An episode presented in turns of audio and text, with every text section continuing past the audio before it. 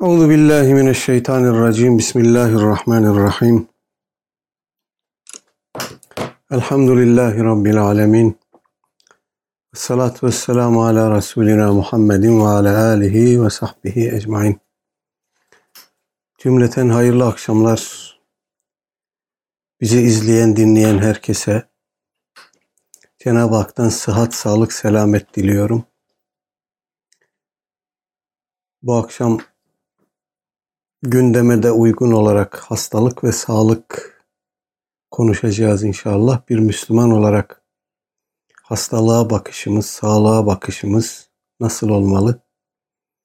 Bunu hep beraber bir 45 dakika içerisinde inşallah müzakere edeceğiz. Evvela şunu söyleyelim arkadaşlar. Biz e, yeryüzü e, yurduna, dünya yurduna imtihan için gönderildik. Dolayısıyla e, başımıza gelen her şey, yaşadığımız her şey istisnasız imtihandır. Aleyhisselatü Vesselam Efendimiz buyurmuş ki müminin haline şaşılır. Başına iyi bir hal gelir, sevinir, Allah'a şükreder, hamd eder, sevap kazanır. Başına istemediği bir hal gelir, kötü bir hal gelir. Bu defa da sabreder, gene sevap kazanır. Dolayısıyla bizim için her hal ya şükür ya sabır gerektiren e, bir haldir. Bize yansımalarına göre, neticelerine göre şükretmekle ya da sabretmekle mümin olduğumuzu göstereceğiz. Bu çerçevede hastalık da bir imtihandır. Tıpkı sağlık imtihan olduğu gibi sağlıkta şükür var mı yok mu noktasında imtihan olduğu gibi hastalık da sabır var mı yok mu noktasında imtihandır. E, tabii ki e, asıl olan sıhhati korumaktır, sağlığı korumaktır. Hastalık gelmeden önce hastalık gelmesin diye tedbir almaktır. Ama bu tedbiri aldıktan sonra da eğer takdir ilahi tedbiri beşeriyi bozarsa ki bozar o zaman da sabrederek mümin olduğumuzu ortaya koyacağız.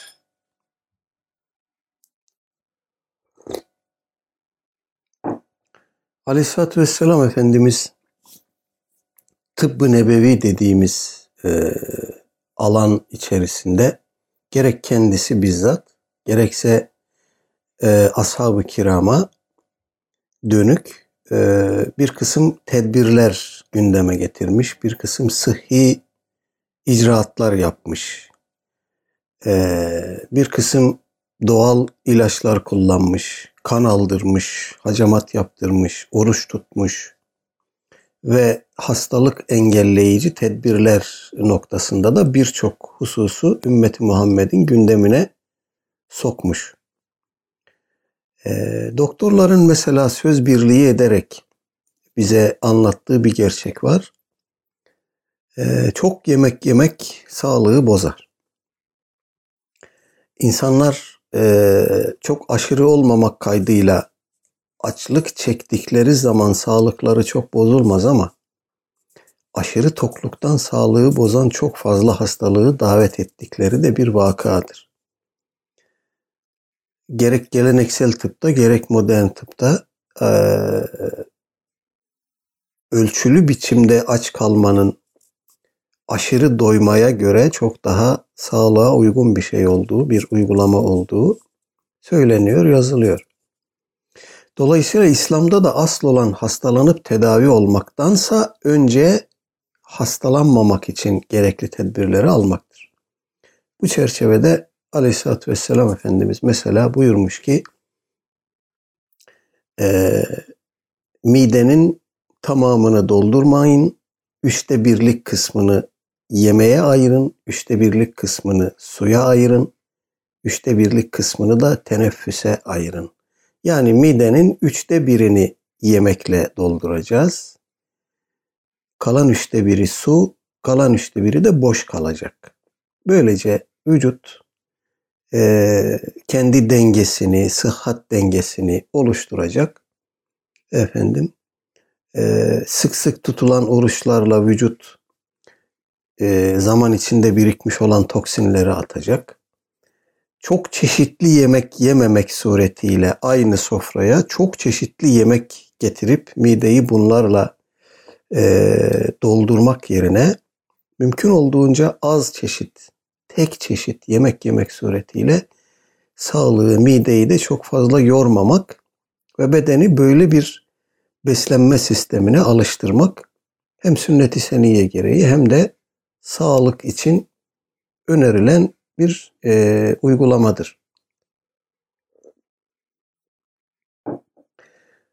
Sağlığı korumak için az yemek yemek, yeterli e, kadar, yeteri kadar uyumak, çok az da uyumamak, çok fazla da uyumamak, e, hareketli olmak, efendim ve oruç. Bütün bunların yanında e, Aleyhisselatü Vesselam Efendimizin de yaptığı gibi yılda bir kan aldırmak, hacamat yaptırmak suretiyle e, vücutta biriken pis kanı da e, dışarı attığımız zaman sağlıklı, sıhhatli bir e, hayat yaşama imkanına kavuşuruz. Biz bütün bu tedbirleri aldıktan sonra takdir ilahi tedbiri beşeriyi bozar dedik. Eğer başımıza bir hastalık gelecekse o zaman ne yapmamız lazım? Ee, bunun arkadaşlar kaynaklarımızda iki türlü tedavisinden bahsediliyor. Bunlardan birisi tıbbi tedavi, öbürü de manevi tedavi. Evet, modern tıpta manevi tedavinin yeri belki belki psikolojik telkinler vesaire bağlamında kendisine bir parça yer bulabiliyor. Ama bir mümin olarak bizim hem inancımızda, imanımızda, hem kaynaklarımızda hem de tarihi tecrübemizde manevi tedavinin, Kur'an'la tedavinin, duayla tedavinin inkar edilemez bir yeri vardır. Ee, Osmanlı'nın son dönemleri, Cumhuriyet'in ilk dönemleri biliyorsunuz bizim yakın tarihimiz bakımından son derece kritiktir. Ee, hepimizin çok yakından bildiği, tanıdığı e, İslam için mücadele etmiş isimler efendim çeşitli yayın organlarında e, ümmeti Muhammed'in gündemini e, işgal eden meselelerle ilgili yayınlar yapmış, ilmi makalelere, neşirlere yer vermişler. Bu çerçevede benim dikkatimi çok çeken bir şey var, hiç unutmuyorum onu. Sırat-ı Müstakim biliyorsunuz baş yazarlığını Mehmet Akif merhumun yaptığı bir edebi ilmi dergi, gazete, mevkute neyse. Ee, bir de onunla aynı anda e, yayın yapan ve ona refikim diye hitap eden arkadaşımız, yoldaşımız anlamında bir başka dergi daha var. O da Beyanül Hak onun başyazarlığını da Şeyhülislam Mustafa Sabri Efendi merhum yapıyor. Sırat-ı Müstakim'de bir yazı çıkmış. Sultan Abdülhamit Han dönemidir. O yazıya göre e, o yazının müellifi, muharriri diyor ki e, azılı bir Abdülhamit Han düşmanı e, işte Yıldız Sarayı'nda oturan müstebit diyor. E, sarayın kapılarını, pencerelerini de açtırarak içeride Sahih-i Buhari okutuyormuş ve halka da propaganda yaptırıyormuş ki e, afet durumunda, felaket durumunda, efendim kriz durumunda Buhari, Sahih-i Buhari'yi hatmetmek iyi gelir. Ümmet bunu tecrübe etmiş, görmüştür. Biz de onun için Sahih-i Buhari okutuyoruz diye de propaganda edermiş. Ne alakası var krizle, ne alakası var felaketle Sahih-i Buhari'nin böyle şey olur mu? Böyle propaganda olur mu? Diyerek Sultan Abdülhamit Han'a bindirme yapıyorlar. Bir sonraki sayıda Beyanül Hak'tan bu makaleye bir cevap geliyor. Diyor ki Sırat-ı Müstakim Refikimizde geçen sayısında şöyle şöyle bir yazı okuduk. Bu yazıda yer alan hususlardan bir kısmına katılıyoruz, bir kısmına katılamıyoruz. Katıldığımız hususlar husus şudur ki e, evet Yıldız Sarayı'nda oturan müstebit efendim bir müstebittir, bir e, diktatördür efendim. Halka kendi e, icraatlarını sevdirmek için olur olmaz propaganda yaptırıyor. Bu doğru. Ama sırat-ı müstakim refikimize katılmayacağımız, katılamayacağımız bir nokta var. O da Kur'an ve hadis e, kriz durumlarında, buhranlarda, bunalımlarda, efendim tabi afetlerde, felaketlerde, musibetlerde çok iyi gelir. Bu tecrübe edilmiş bir şeydir. Tavsiye edilen bir şeydir. Sırat-ı Müstakim'deki yazıyı yazan Mehmet Akif merhum. Beyanül Hak'taki makalenin sahibi de Mustafa Sabri Efendi merhum. Abdülhamit Han aleyhtarlığında birleşiyorlar. Bir noktada ayrışıyorlar. O da duayla, ayet hadis okuyarak e, tabi afetlere, buhranlara, krizlere çare olur mu olmaz mı, aranır mı aranmaz mı? Sırat-ı müstakim biraz daha modern duruyor. Böyle saçmalık olmaz diyor ama Beyanül Hak bu noktadaki çizgisini muhafaza ediyor. Evet, e, bu artık tecrübe edilmiş bir şeydir. Ümmetin uzun tarihi içerisinde ayetle, duayla, efendim hadis okuyarak, şifa-i şerif okuyarak, Bukhari-i şerif okuyarak efendim işte e, tabi afetlere, zelzelelere, e, ne bileyim çok fazla yağmur yağar, ortalığı sel götürür. Müminler hemen toplanırlar bir grup camide, bir camide Bukhari-i Şerif okurlar veya birisinin evinde toplanır Bukhari-i Şerif okurlar, Şifai Şerif okurlar. Bu o tabi afetlere Aleyhisselatü Vesselam Efendimiz hatırına e, okunan e, ona salatü selamların getirildiği ve o vesileyle Cenab-ı Hakk'a duaların edildiği o meclisler. Dolayısıyla Cenab-ı Hak o afeti sonlandırır. Bu tecrübe edilmiş bir şeydir. Sadece afetlerde değil, aynı zamanda hastalıklarda da aynı şey geçerlidir. Kur'an-ı Kerim'de bildiğiniz gibi pek çok ayet vardır. Ulemamız bunlara şifa ayetleri demiş. E, hastalık durumunda müminlerin tam bir tevekkülle, tam bir teslimiyetle bu şifa ayetlerini okumaları durumunda Cenab-ı Hak hastalığın şifasını veriyor. Böyle bir manevi tedavi e, her zaman ümmetin tatbik ettiği ve netice aldığı bir tedavi tarzıdır. E, bir diğer tedavi tarzı da ilaçlarla, tabi efendim otlarla, bir kısım karışımlarla vesaireyle yapılan ya da tıbbi müdahalelerle, operasyonlarla yapılan tedavi e, çeşididir. Bu da bizim tarihimizde bilinen, uygulanan ve netice alınan bir tedavi türüdür. Ee, doğrusu burada e, modern insana çok da hani ikna edici gelmez ayette tedavi, duayla tedavi vesaire ama dediğim gibi netice alınmış şeylerdir. Ee, ben hayatımda bunu çok tecrübe ettim rahmetli babam vesilesiyle. Ondan öğrendiklerimi ben de tatbik etmek suretiyle bir kısım meselelerde netice aldım. Ee, rahmetli babam anlatır. Ee, bir amcamızın oğlu var. Ee, Sara hastası. Olur olmaz yerde düşer bayılır kendini bilmez. Efendim işte Kars'ın Sarıkamış'ın iptidai imkanları, yetersiz imkanları içerisinde oraya gelip giden doktorlar, hekimler vesaire bu çocuğa bir çare bulamazlar. En son babam gene böyle bir vaka olunca alır çocuğu arabaya bindirir minibüse Kars'a götürür. Orada bir doktor var duymuş. E, o doktor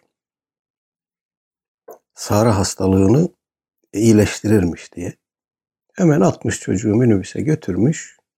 Araştırmış doktoru yerini bulmuş fakat demişler ki bu doktor buradan ayrıldı gitti. Bunun üzerine Kars'ın merkezinde oturan hal ehli bir tanıdığına bari ona gideyim demiş. Gitmiş. O hal ehli tanıdığı da insanlarla çok görüşmezmiş. Maneviyatım olumsuz etkilenmesin diye muhtemelen insanlarla çok görüşmezmiş. Kapıyı çalmış, oğlu çıkmış. Kendisini tanıtmış babam. Demiş ki efendi hazretlerine söyleyin. Böyle böyle bir durumumuz var. Biraz acil. Bunun üzerine rahmetli babamın adını duyunca çıkmış o hal ehli zat. Babamın yanına hoşbeş etmişler. Çay gelmiş. Çay içerken bir parça şeker almış tabaktan ve ona Bismillah ve idâ merittu fehuve yeşfîn diye ayeti kerime Hazreti İbrahim'in e, Hazreti İbrahim'den hikaye ile Kur'an'da yer alan bir duadır. Ve idâ merittu fehuve yeşfîn üfürmüş şekeri ve çocuğa vermiş. Al bunu ye evladım. Almış çocuk şekeri. Efendim bir suyla eritmiş ve yutmuş. Ondan sonra bu çocukta artık bir bayılma hali görülmedi. O gün bugündür sapasağlam gidiyor. Böyle buna benzer gerçekten çok fazla sayıda e, tecrübeler var. Cenab-ı Hak Kur'an-ı Kerim'de Bismillah ve nunezzilu minel Kur'an ma huve şifaun ve rahmetun lil müminin buyurmuşsa eğer Kur'an'da müminler için şifa ve rahmet vardır. Evet modernistlerimiz bu tür ayetleri tevil etmeyi severler. Buradaki şifadan kasıt efendim işte Kur'an'ın gereğince amel ederseniz efendim sağlıklı bir hayat yaşarsınız, toplumsal hayatınız şöyle olur, böyle olur. Ahlaklı bir insan olursunuz vesaire. Fakat şifa kelimesinin anlam haritası içerisinde ne varsa asıl olan bu kelimenin geçtiği yerde bunların tamamını düşünmektir. Aksini düşünmemizi gerektirecek özel bir delil bulunmadıkça biz bunların hastalıklara e, şifayı da kapsadığını, ihtiva ettiğini düşünürüz. Dolayısıyla bu şifa ayetleri okunmak suretiyle evet e, tedavi olmuştur. Aleyhisselatü Vesselam Efendimizin e, mübarek sakal telleri müminlerin anneleri tarafından özel olarak bir küçük kavanoz içerisinde, şişe içerisinde muhafaza edilirdi. İmam Müslim'in naklettiği bir hadistir bu ümmeti Muhammed'in sahabe-i kiramın hastaları olunca sabahları hemen birer su kabıyla birlikte Efendimizin e, eşlerine, annelerimize birer çocuk gönderirlermiş. O çocuklar su kaplarını götürür verirmiş. O da oradan alır o sakal telini suyun içine batırır tekrar yerine koyarmış. Bununla şifa bulurlarmış. E bu tarz şeyler tabii modern dönemde az önce söylediğim gibi çok fazla itibar iltifat gören şeyler değil. Daha ziyade modern tıbba teslim olmuş durumdayız. Buna itirazım yok. Elbette e, modern dönem öncesinde tabii ilaçlardan, bitkilerden, karışımlardan vesaire istifadeyle yapılan ilaçlar ve ilaç tedavisi modern dönemde kimyasallarla büyük ölçüde e, ikame ediliyor. Fakat şunu da biliyoruz ki bu kimyasallar bir hastalığı tedavi ederken başka bir hastalığa belki birkaç hastalığa yol açıyor. Bu da bir vakadır. Hatta e, şöyle bir örnek verilir. Bu e, kimyasal ilaçları kullanmak şuna benzer. Çatınızda bir kiremit kırılmıştır. O kiremiti tedavi etmek için çatıya çıkıp giderken epeyce bir kiremit kırarak gidersiniz. Belki o kiremidi tedavi edersiniz, onu kaldırır yerine yenisini sağlamını koyarsınız ama giderken ve gelirken bir hayli başka kiremitleri de kırarsınız. Bu buna benziyor. Yani ee, dediğim gibi tıbbi tedaviye karşı olduğum ya da onu önemsemediğim şeklinde anlaşılmamalıdır bu söylediğim şeyler. Tıbbi tedavi Aleyhisselatü Vesselam Efendimizin de önerdiği bir şeydir. Kendisine de uyguladığı bir şeydir. Bu çerçevede tıbbı nebevi diye bilinen alan işte bu tür tedbirlerden, tedavi metotlarından oluşuyor. Benim burada vurgulamak istediğim şey daha ziyade e, modern tıbbın e, hayatımıza soktuğu kimyasallar üzerinden o vasıtayla onlar kullanılarak yapılan tedavinin yol açtığı başka rahatsızlıklar, yan etkiler üzerinden başka rahatsızlıklardır. Ee, yani artık buna teslim olmuş durumdayız. Yapacak başka bir e, şeyimiz yok.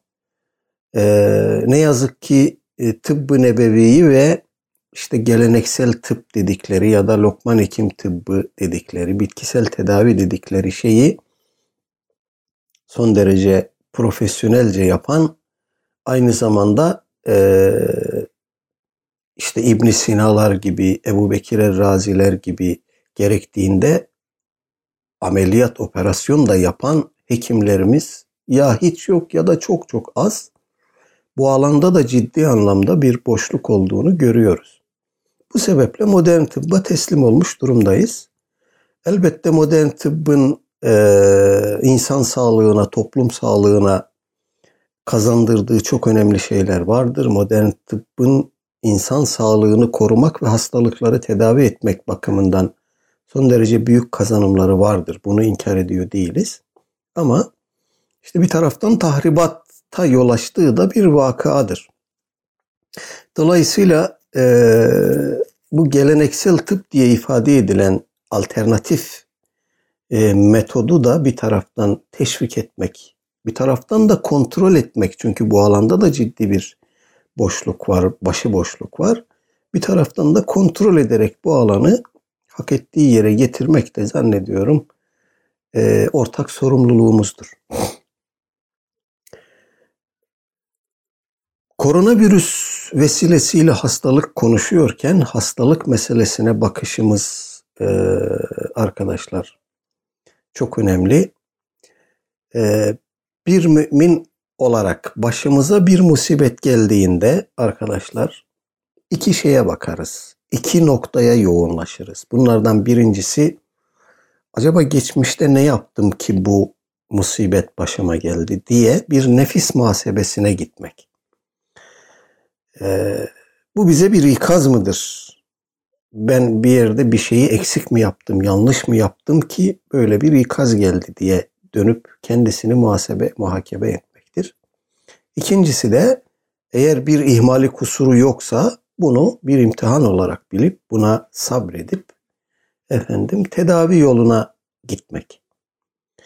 Onun için hastalık bizim gözümüzde, Müslümanların gözünde hastalık e, sabredildiğinde sevap getiren, tabii ki tedavi yollarına da bakılacak ama bu arada isyan etmektense sabreden, şükreden insan olmak ve bunun neticesinde de manevi olarak e, bu hastalıktan e, bir e, avantaj kazanmak. Nedir o? E, hastalık bir müminin başına gelen bir hastalık eğer sabırla karşılanır ise o müminin günahlarından temizlenmesine vesile olur ve o müminin manevi derecesinin yükselmesine vesile olur. Bu bakımdan Aleyhisselatü Vesselam Efendimiz buyurmuş ki insanlar içerisinde en çetin e, imtihanlara maruz kalanlar peygamberlerdir. Sonra derece olarak onlara yakın olanlar, sonra onlara yakın olanlar bu şekilde devam eder. Dolayısıyla e, sağlığı fetişleştirmemek gerekir. Yani işte toplumu görüyoruz. E, koronavirüsün e, yayıldığı, salgın haline dönüştüğü ve günde yüzlerce can aldığı toplumları görüyoruz. İşte batılı toplumları kastediyorum. Efendim marketlere hücum ediyorlar. E, tuvalet kağıdı için birbirleriyle kavga ediyorlar saç baş. E, bunalıma giriyorlar. Psikolojileri bozuluyor. Arkadaşlar e, bizim toplumumuzda bu tarz şeylerin en azından batıda olduğu kadar o kemiyet ve keyfiyette görülmemesi bizdeki İslam cevherindendir. Ee, sağlığı fetişleştirmemiş olmamızdandır. Sağlık bir emanettir, korunması gerekir ama sağlığımı koruyacağım diyerek başka insanları görmezden gelmek, isyan etmek Allah korusun. Efendim bütün bunlar müminin e, müminden sadır olabilecek şeyler değildir. Bir e, hanım vardı. İbn Abbas Hazretleri talebesi Ata bin Ebi Rabah'a bir gün diyor ki sana cennet kadınlarından birini göstereyim mi? Evet diyor o da. Bak şu ilerideki iri yarı siyahi kadın diyor. Bu kadın bir gün Efendimiz Aleyhisselatü Vesselam'a geldi ve dedi ki ey Allah'ın Resulü bende Sara hastalığı var. Olur olmaz yerlerde düşüp bayılıyorum. Edep yerlerim açılıyor. Kendimi kontrol edemiyorum. Allah'a dua etseniz de bu hastalığı benden alsa. Efendimiz Aleyhisselatü Vesselam kadına dedi ki eğer dilersen dua edeyim Allah bu hastalığı senden alsın. Ama sabredersen sabretmen senin için daha hayırlıdır. Bunun üzerine kadın büyük bir teslimiyetle dedi ki madem öyle ey Allah'ın Resulü sabretmemde bana fayda vardır buyurdunuz. O halde ben sabredeceğim. Talebimi geri aldım. Ama Allah'a dua edin ben düşüp bayıldığımda edep yerlerim açılmasın. Sadece bunu talep ediyorum. Böyle örnekler de var arkadaşlar. Aynı şekilde gözleri kör bir sahabi gelmişti Efendimiz'e. O da demişti ki ya Allah'ın Resulü ben günde beş vakit sizin arkanızda Mescid-i Saadet'te namaz kılmak istiyorum. Evim buraya uzak. Her zaman beni her vakit namazına götürüp getirecek kimsem de yok. Allah'a dua etseniz de gözlerim açılsa ben kendim gidip gelsem.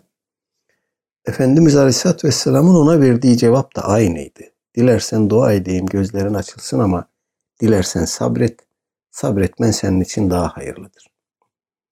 Dolayısıyla arkadaşlar yani e, bu tarz şeyleri bir imtihan olarak görüp sabretmek de bir tavırdır. Bunu söyleyeyim.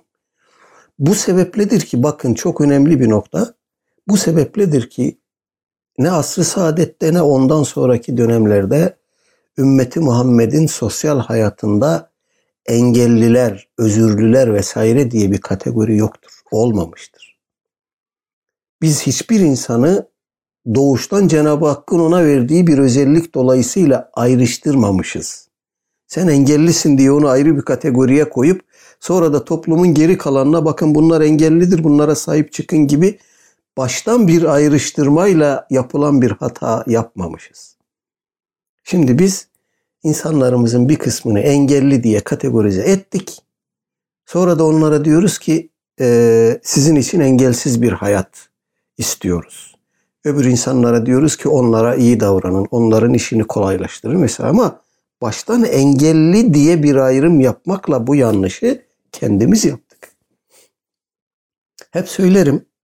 Az önce adını andığım İbn Abbas Hazretlerinin talebesi Ata bin Ebi Rabah arkadaşlar.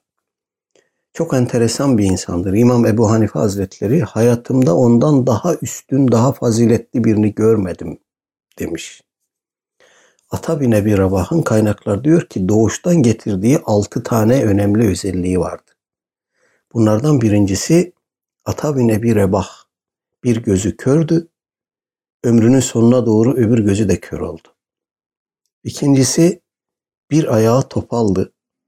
Üçüncüsü bir kolu sakattı. Dördüncüsü sırtında kocaman bir kamburu vardı. Beşincisi burnu basıktı böyle dümdüzdü ve altıncısı derisinin rengi kapkaraydı. Şimdi düşünün böyle bir insanı. Modern toplumda böyle bir insanın akıl ve ruh sağlığını muhafaza ederek yaşaması ne kadar mümkündür?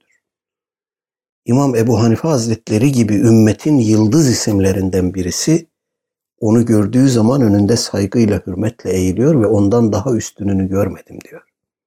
Bakın onun bu tırnak içinde engellerinin tırnak içinde kusurlarının hiçbir önemi yok. Hiçbir ehemmiyeti yok.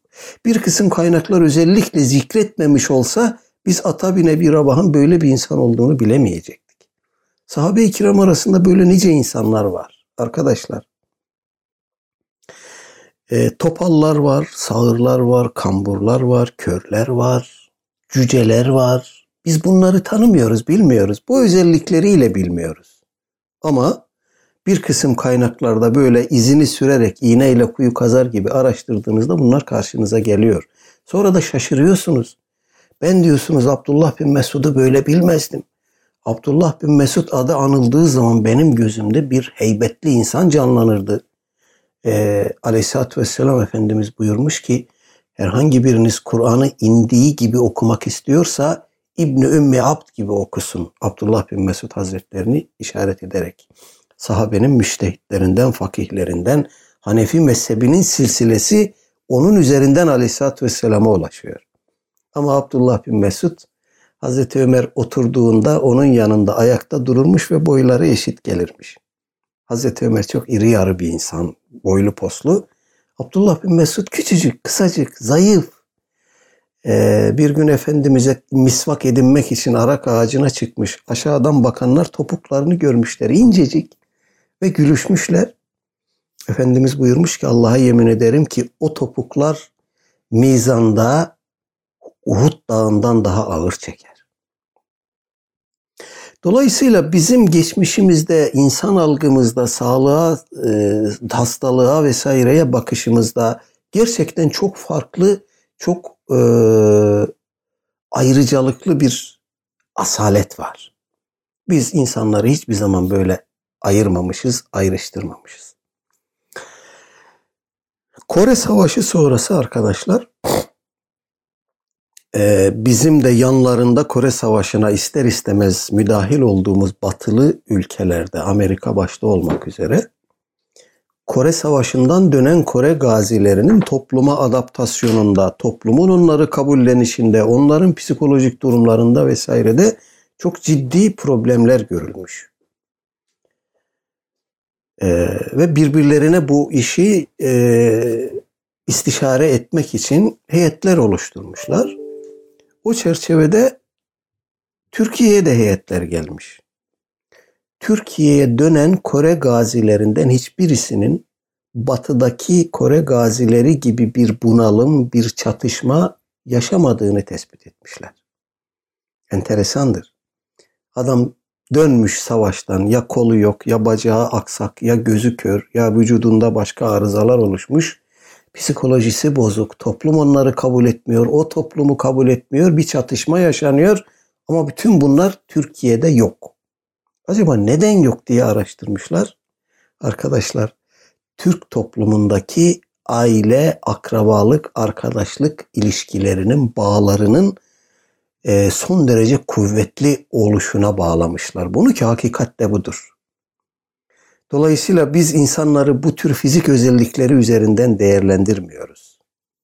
Hastalığa bakışımız e, başkalarının bakışı gibi değil. E, dolayısıyla arkadaşlar bugün e, yüz yüze bulunduğumuz yeni bir imtihan, koronavirüs imtihanı. Bu imtihana bakışımız da gene mümince olmalıdır. Bu hastalığa yakalananlarımız olsun, bu hastalıktan korunabilenlerimiz olsun. Meseleye Müslümanca bakmayı asla ihmal etmeyelim. Aleyhisselatü Vesselam Efendimiz e, bu tür bulaşıcı hastalıklar konusunda da bizi uyarmış. Hazreti Ömer döneminde biliyorsunuz Kudüs fethedildi, Suriye Şam coğrafyası fethedildi. Hazreti Ömer Kudüs-ü Şerif'e gitmek için, Mescid-i Aksa'ya gitmek için yola çıktı bir heyetle birlikte. Sonra Serg denen mevkiye gelince oradan bir haber geldi. Dediler ki e, Mescid-i Aksa, Kudüs-ü Şerif o civarda veba hastalığı çıkmış. Hazreti Ömer konakladı orada ve ashapla istişare etti. Bir kısım sahabiler dediler ki e, gidelim kaderimizde hasta olmak varsa hasta oluruz. Bir kısmı da dedi ki gitmeyelim efendim. E, sağlığımızı korumak da bizim için e, bir vecibedir, bir vazifedir. Bile bile sağlığımızı tehlikeye atmayalım. Efendim, bunun üzerine Hazreti Ömer karar aldı. Dedi ki evet gitmiyoruz, yarın geri dönüyoruz. Bunun üzerine Ebu Ubeyde bin Cerrah radıyallahu anh Hazreti Ömer'e dedi ki Ey müminlerin emiri Allah'ın kaderinden mi kaçıyorsun? Hazreti Ömer'in verdiği cevap çok enteresandır. Hazreti Ömer dedi ki evet Allah'ın kaderinden gene Allah'ın kaderine kaçıyorum. Değil mi ki senin bir sürün olsa o sürüyü bir çorak arazi olsa bir de yeşillik, verimli bir arazi olsa hangisine sürerdin? Değil mi ki yeşillik araziye sürerdin? Öbür tarafa da sürsen Allah'ın kaderidir, bu tarafa da sürsen Allah'ın kaderidir. Dolayısıyla sen iradenle neyi e, kararlaştırırsan Allah onu senin önüne getirir. O konuda sana yolu açar. Dolayısıyla gitmemiz de Allah'ın kaderidir. Kalmamız da Allah'ın kaderidir. Dönmemiz de Allah'ın kaderidir. Karar verdikten sonra e, o esnada bir iş için oradan ayrılmış olan Abdurrahman bin Avf radıyallahu anh geldi. Oradaki vaziyeti görünce e, dedi ki ey müminlerin emiri böyle bir durumda ne yapılacağına dair ben Efendimiz'den bir e, tavsiye dinlemiştim. Efendimiz buyurmuştu ki bu vebanın bir yerde çıktığını görürseniz oraya gitmeyin. Sizin bulunduğunuz yerde çıkarsa oradan ayrılmayın. Karantina önermişti Efendimiz. Cumhurbaşkanımız da bu anekdotu, bu, bu olayı anlatmıştı konuşmalarından birinde. E, dolayısıyla e, yapacağımız şey budur. Mümin olarak Aleyhisselatü Vesselam Efendimizin bu emrini yerine getireceğiz ve bulaşıcı hastalığın çıktığı yere gitmeyeceğiz. Bizim bulunduğumuz yerde çıkarsa biz kaptıysak o hastalığı veya kapma ihtimalimiz varsa bulunduğumuz yerden ayrılmayacağız. Ben bu yayını normalde e, Fatih'ten yapacaktım ama sesimde bir kısılma, bir hapşırma, burnumda bir tıkanma falan olunca arkadaş şeyi aradım, Mustafa kardeşimi aradım. Dedim ki ya böyle bir durum var. Belki bende var size bulaştırırım. Belki sizde var bana bulaşır. Veya yolda giderken gelirken bir şekilde bulaşır. Tedbirli olalım. Ben bu yayını evden yapayım. Menderes kardeşim de sağ olsun gerekli teknik altyapıyı, hizmeti ayarladı ve bu yayını yapma imkanı bulmuş olduk böylece. Ee, evet dolayısıyla arkadaşlar bu karantinaya e, azami dikkat göstermeli, azami ölçüde riayet etmeliyiz. Bizde çıktıysa başkalarına bulaştırmak suretiyle onların günahına, hukukuna girmeyelim. Efendim başkalarında çıkmışsa biz e, kendi hukukumuza, nefsimizin hukukuna tecavüz etmeyelim. Çünkü biliyorsunuz mümin olarak biz üç türlü üç türlü hukuku gözetmek zorundayız. Birincisi hukukullah. Allah'ın üzerimizdeki hukuku. Ona iman etmek, şirk koşmamak, onun emirlerini yerine getirip yasaklarına yasaklarından uzak durmak. Hukukullah diyoruz buna. Bu bizim birinci vazifemiz. İkinci vazifemiz hukukul ibad. O da yaratılmışların hukuku. İnsanların, tabiatın, kurtun kuşun, börtü böceğin, ozon tabakasının, ne bileyim ee, artık kaybolmaya yüz tutmuş canlı türlerinin vesairenin hepsinin bizim üzerimizde hakkı var. Onları o hakkı hukuku da korumak zorundayız. Ve üçüncüsü hukukun nefs. Kendi nefsimizin de üzerimizde hakkı var. Onu da dolayısıyla gözetmek zorundayız. İşte bu sebeple bizde hastalık çıktıysa bir ihtimal çıkmış olabilir. Belki fark edemeyiz. Bünyemiz kuvvetlidir. Efendim biz hissedemeyiz ki uzmanlar onu söylüyor. Koronavirüsün bulaştığı bir kısım insanlar bünyeleri sağlam olduğu için bunu belki de hiç hissetmezler. Ama başkalarına bulaştırma ihtimalleri vardır. Dolayısıyla biz de çıkmış olabilir, hissedememiş olabiliriz. Başkasına bulaştırma ihtimali var. Efendim ya da başkasına bulaşmıştır, farkında değildir, bize bulaşma ihtimali var. Bu sebeple karantinaya azami dikkati gösterelim arkadaşlar. Ee, Cumhurbaşkanımızın da dediği gibi bu bulaşma zincirinin kırıldığı andan itibaren bu hastalıkla mücadelede çok daha hızlı hareket edebileceğiz. Çok daha az sayıda insanımızı e, kaybetme durumu ortaya çıkacak. Şu anda efendim kaybettiğimiz insan sayısı, virüs taşıyan insan sayısı, vaka sayısı giderek artıyor. Dolayısıyla bunun çaresi karantinadır. Bunun çaresi evden çıkmamaktır ve hijyendir. Biz de bütün bunlara riayet ederek korumamız gereken hukukları koruyalım diyor. Bu arada e, Mustafa Eroğlu kardeşim bir kısım sorular gönderdi arkadaşlar. Hemen vakit kaybetmeden o sorulara bakalım. Birincisi karantina sürecinde zamanımızı en verimli şekilde nasıl kullanırız? Arkadaşlar hepimizin e, kendi özel durumuna göre bu sorunun cevabı şüphesiz değişecek. Öğrenciysek derslerimize çalışarak, efendim e, benim gibi okuma yazmaktan başka bir işi olmayan birisi isek okuma yazma işimizi geliştirerek, bol bol Kur'an okuyarak, bol bol e, kaza namazı kılarak, kaza namazımız yoksa nafile namaz kılarak, bol bol zikru tesbihat yaparak, bol bol salatü selam getirerek efendim e, bu vakti değerlendirebiliriz. E, kitap okuyabiliriz. İnternet üzerinden bu tarz müzakereler yapabiliriz. Birbirimize hakkı ve sabrı tavsiye bağlamında. E, benim size özel bir tavsiyem de olsun bu arada. E, kütüphanenizde mutlaka hadis kitapları vardır. Hadis kitaplarının e, kıyamet alametleri, fiten, melahim vesaire e, başlıkları altındaki bölümlerini özellikle okuyun.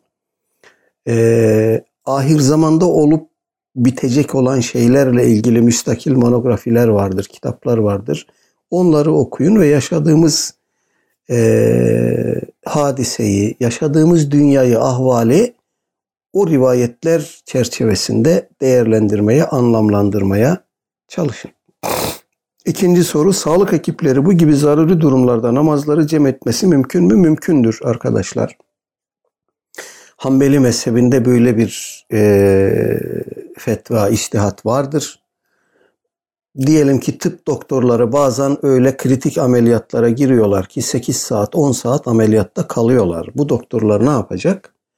Namazlarını cem ederek kılacaklar. Evet misafir değiller, yolcu değiller efendim ama Hanbeli mezhebinde böyle bir iştihat vardır. E, mukim kimse de icap eden durumlarda, sıkıntılı durumlarda mukim kimse de namazlarını cem ederek kırabilir. Öğlenle ikindiyi ister öğle vaktinde ister ikindi vaktinde, akşamla yatsıyı da ister akşam ister yatsı vaktinde kılabilirler. Sabah namazı başka diğer namazlarla cem edilmez. Cemaatle namaz kılmamak büyük bir sorun değil midir? Değildir. Ee, evlerimizde cemaat olabiliriz. Aynı sevabı alırız. Sadece cuma e, namazları burada bahis konusu arkadaşlar.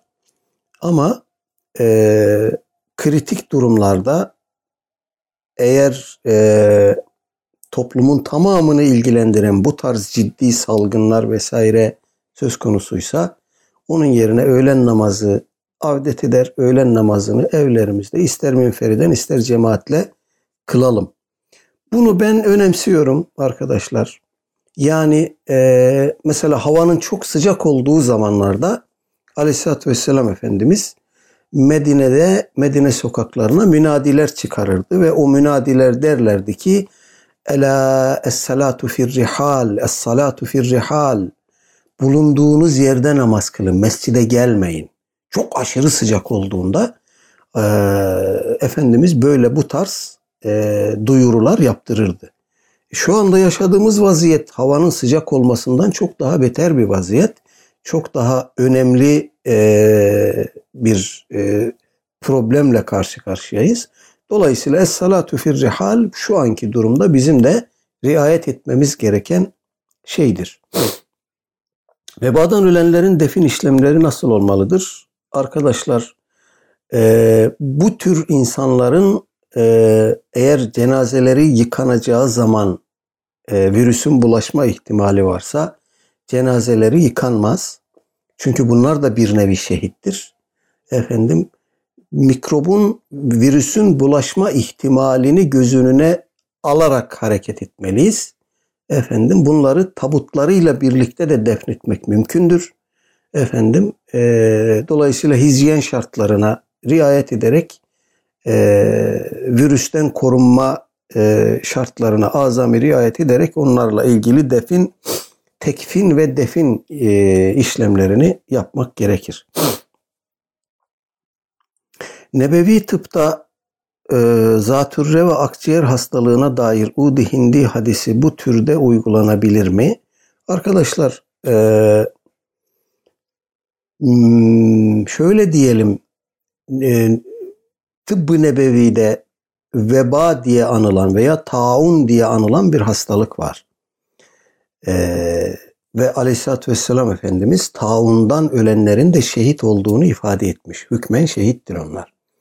Fakat işin erbabı diyor ki taun vebanın sadece bir çeşididir.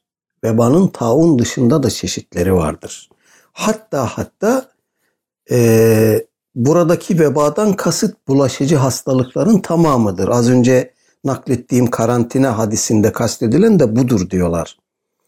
Bulaşıcı her hastalık için bu geçerlidir. Dolayısıyla Aleyhisselatü Vesselam Efendimiz acaba bunlardan hangisini kastetti? Udu Hindi'yi hangisi için tavsiye etti? Bu işin uzmanının bilebileceği bir şeydir. Hastalık türlerini çok iyi bilmek, tıbbi tecrübe sahibi olmak, bir de bu ilaçların hangisi hangi hastalığa iyi gelir bunu bilmek önemlidir. Kendi kendimize tıbbı nebevide vardır, Efendimiz tavsiye etmiştir diyerek e, bu hastalığa herhangi bir ilaç kullanma yoluna gitmemeliyiz. Bu tür salgınları küçük kıyametlerden sayabilir miyiz? Ee, arkadaşlar bu tür salgınlar az önce de naklettim. Ee, sahabe-i kiram zamanında da olmuştur. Ee, bu Filistin'de, bu Kuds-ı Şerif'te çıkan salgında pek çok sahabi hayatını kaybetmiştir, şehit olmuştur. Muaz bin Cebel radıyallahu anh bunlardandır. Daha başka sahabiler de vardır.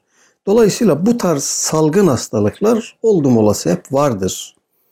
Ee, hayvanlarda da görülür, insanlarda da görülür. Aleyhisselatü Vesselam Efendimizin bulaşıcılıkla ilgili hadisleri var. Dikkat ederseniz bulaşıcı hastalık bahis konusu olmuş ki Efendimiz hayvanlardaki bulaşıcı hastalıklardan bahsetmiş.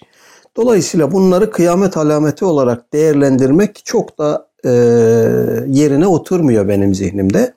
Bunlardan daha öncelikli kıyamet alametleri var. Yani e, meşhur Cibril hadisinde gördüğümüz mesela yalın ayak başı kabak deve çobanlarının yüksek bina yapmakta birbirleriyle yarışmaları bu bir alamettir. Efendim cariyenin efendisini doğurması bir alamettir. Önemli bir şeydir. Bu ne anlama gelir? Ulema bunun üzerinde epeyce bir kafa yormuşlar.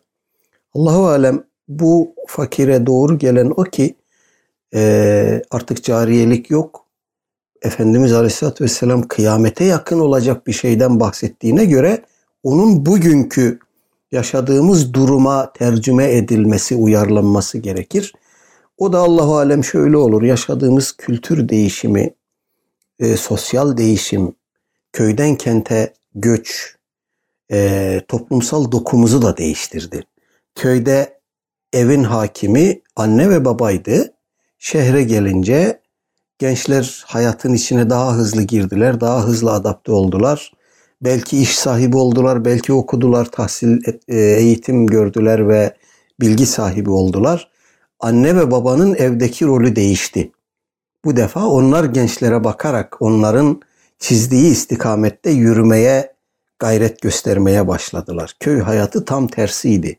Dolayısıyla anne evladı ne diyorsa artık onu yapıyor. Onu yapmak zorunda çünkü şehir hayatına dair onun tecrübesinde, bilgisinde, dünyasında çok fazla bir şey yok. Allahu alem o da bu.